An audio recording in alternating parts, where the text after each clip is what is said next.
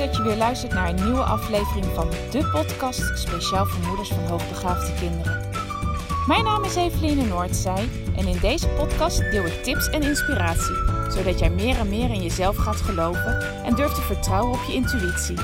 Want jij bent precies de moeder die jouw kind nodig heeft. Hoe ga je om met uitdagende situaties? Wat heeft jouw kind van jou nodig? En hoe zorg je voor verandering in je gezinssituatie door jouw eigen persoonlijke groei? Ik heb er veel zin in om dit allemaal met jou te delen. Dus laten we voor vandaag maar gaan beginnen.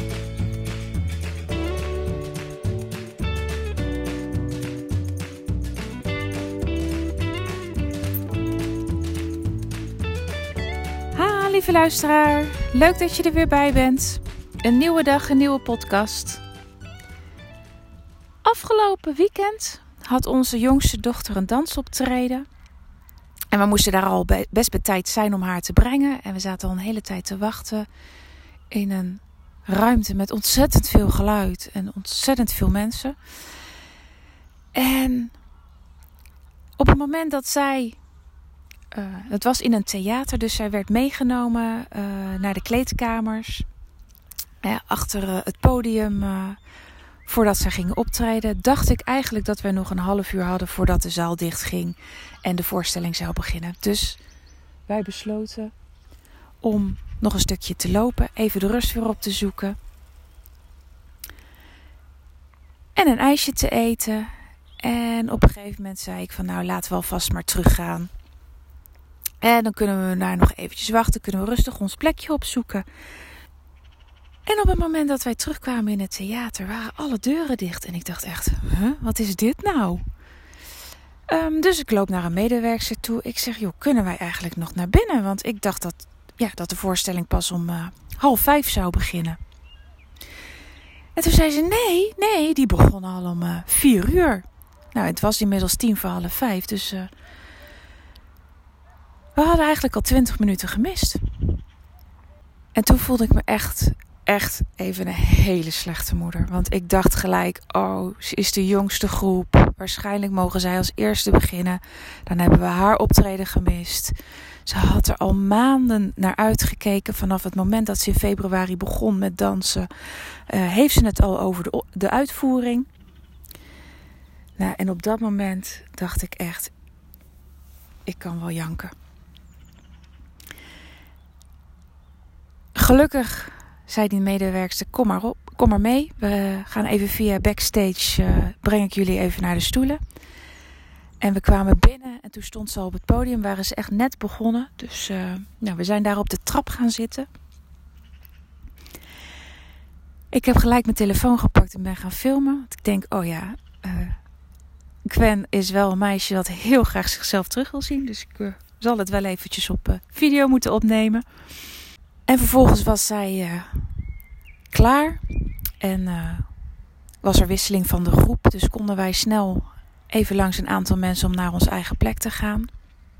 Wat natuurlijk ook al super vervelend is als je andere mensen moet laten opstaan terwijl uh, de volgende groep alweer begonnen is met dansen. En ik ging zitten op mijn plek. En ja, heel eerlijk heb ik echt wel even een traantje gelaten, want ik voelde me oprecht echt zo'n slechte moeder dat ik nou niet goed gekeken had.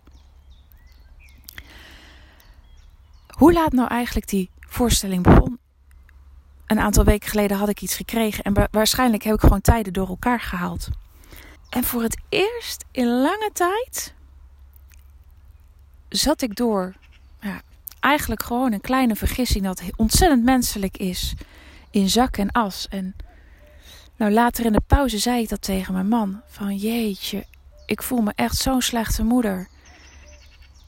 En ik, heb, ik ben echt in zo'n lange tijd niet zo verschrikkelijk streng voor mezelf geweest. Want dat kon ik ook wel weer gelijk zien. Dat het echt niet eerlijk ten opzichte van mezelf was om zo mezelf te veroordelen. Maar ik deed het wel even. En ik was heel blij dat, nou ja, dat even relatief een kort moment was. En dat ik, me, dat ik ook gewoon kon zien dat ik mezelf aan het veroordelen was. En dat ik onnodig streng was voor hetgeen wat er gebeurd was. En tuurlijk was het mega vervelend geweest als ik later had moeten opbiechten dat we haar voor haar optreden niet gezien hadden. Maar er was nog steeds natuurlijk geen, geen man overboord geweest. Het was voor haar niet leuk geweest en het was voor ons niet leuk geweest. Maar er was vast iemand geweest die het ook gefilmd had en bij wie ik het terug had kunnen kijken. En die ik had kunnen vragen om het eventjes naar mij toe te sturen.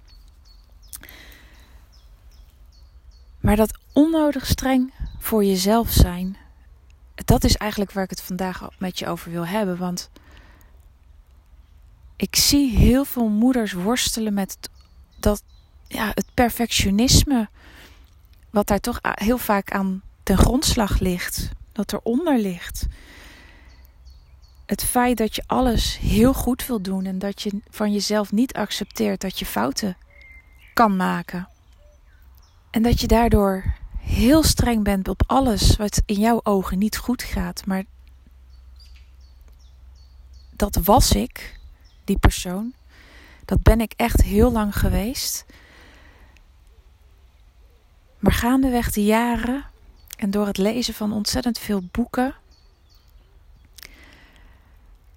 Ehm, ben ik gaan begrijpen uh, wat ik aan het doen ben. Ik zag namelijk een nou, in mijn ogen een fout, niet als een leermoment, maar echt, echt als een, dus als een fout, als iets wat niet goed was. En doordat ik niet kon zien dat de situaties die ik meemaakte juist hele mooie leermomenten waren en dat ik daar juist van kon groeien, um, ja, bleef ik hangen in het mezelf als, ja, als schuldige aanwijzen, als dat ik niet goed genoeg was.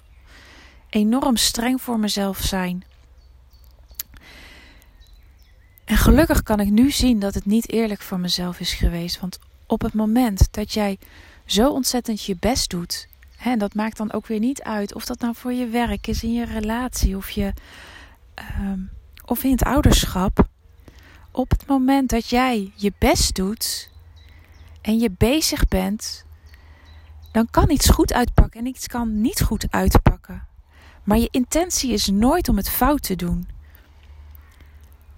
En je doet het, nou ja, laat ik zeggen, ik ga ervan uit dat iedereen het dan doet vanuit het goed willen doen, vanuit de intentie om,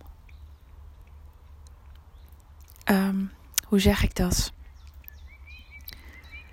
ja, vanuit de beste intenties. Ik denk, ja, dat is zoals ik het wil omschrijven.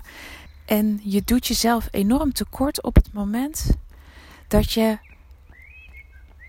als jij vanuit je beste intentie iets doet, maar met een uitkomst die niet zo is zoals je graag had gewild, dan jezelf gaat veroordelen, dan doe je jezelf echt, echt tekort. Het is niet fair ten opzichte van jezelf. En ik kan dat inmiddels nu zien. En dat wil niet zeggen dat ik af en toe, hè, zoals afgelopen zaterdag, niet een kort moment heb dat ik het doe. Maar ik ben er veel sneller uit. En ik wil jou meegeven dat de grootste lessen die ik geleerd heb, zijn niet van situaties die voorspoedig gingen. Uh, zijn niet van de momenten geweest waarin het allemaal perfect ging, maar zijn van de momenten geweest waarin ik iets gedaan heb waarvan ik later dacht: dit is niet handig geweest. En ik heb geleerd om op die momenten mezelf niet meer te veroordelen, maar te kijken naar wat ik in een volg, op, een, volgend moment anders zou kunnen doen. En doordat ik eh, deze situaties heb kunnen omdraaien naar leermomenten, kan ik uit het veroordelen van mezelf stappen en kan ik er ook ontzettend veel van leren en groei ik als moeder. En dat is een mega winst geweest ten opzichte van jaren geleden. En dat gun ik jou ook. Dus ben jij een moeder die zich zichzelf heel snel veroordeelt, die veel te streng is voor zichzelf en denkt dat hij altijd perfect moet zijn, dan wil ik je meegeven dat dat absoluut niet hoeft. Laat los. Je doet het goed genoeg. En goed genoeg is goed genoeg. En probeer de momenten dat jij die kritische stem hoort dat je het niet goed gedaan hebt, dat het anders had gemoeten, of als je jezelf veroordeelt voor slechte moeder, probeer eens met een afstandje naar te kijken. Zou je ook zo hard zijn voor een vriendin, voor de buurvrouw, als die dat verhaal zou vertellen? Of zou je dan zeggen: Ach, dat overkomt ons allemaal wel eens. Geef niks. Wees eens eerlijk. Want ik denk eigenlijk dat je bij een ander nooit zo streng zou zijn als dat je voor jezelf bent. Dus ga eens met een, van een afstandje kijken. Neem afstand. Wat zou je op dat moment tegen iemand anders zeggen?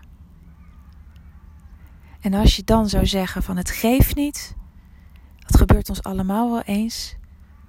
Ga dan eens kijken wat je van deze situatie kan leren. Doe je voordeel ermee. En op het moment dat je kan zien dat je het de volgende keer anders kan doen, dan is dit moment zo waardevol geweest en misschien nog wel veel, veel, veel waardevoller dan al die andere momenten die soepel verlopen zijn. En dan hou ik het hierbij voor vandaag. Ik wens je nog een fijne dag.